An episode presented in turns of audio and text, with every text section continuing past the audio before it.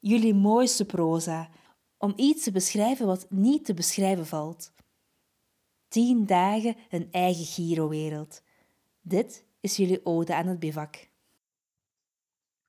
Een zomers briesje dat zachtjes voortduwt is een goed begin.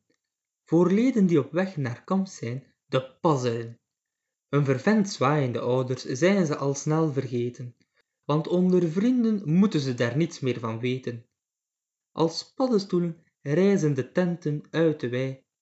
De leiding ligt er bijna verslagen bij. Piketten laten slaan kunnen de leden misschien wel, maar één of meerdere vingers blesseren gebeurt snel. De eerste dag spaghetti en dat zonder bestek. Hubbeltjes kijken met grote ogen, is iedereen hier gek? Een champignon in je neus of wat gehakt in je oor, dat gebeurt op kamp wel vaker hoor. Een eerste nacht in de tent loopt hand in hand, met geween en getreur en heimwee naar een ver land. Thuis lijkt mijlen ver te zijn en de kampplaats is nog ongekend. Gelukkig is voor de leiding het heimweepilletje niet onbekend.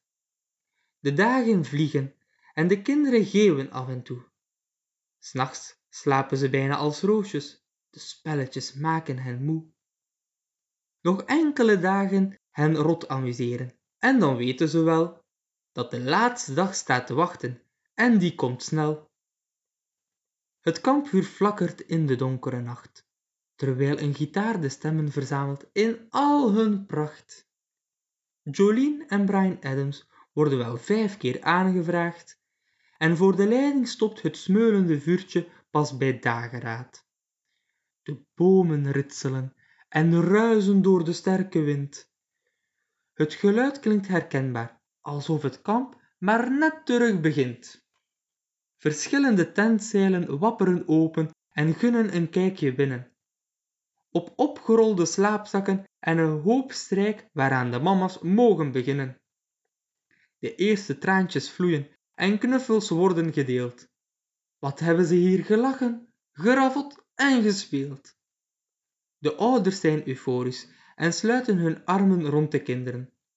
Nu kan het aftellen naar volgend jaar weer beginnen.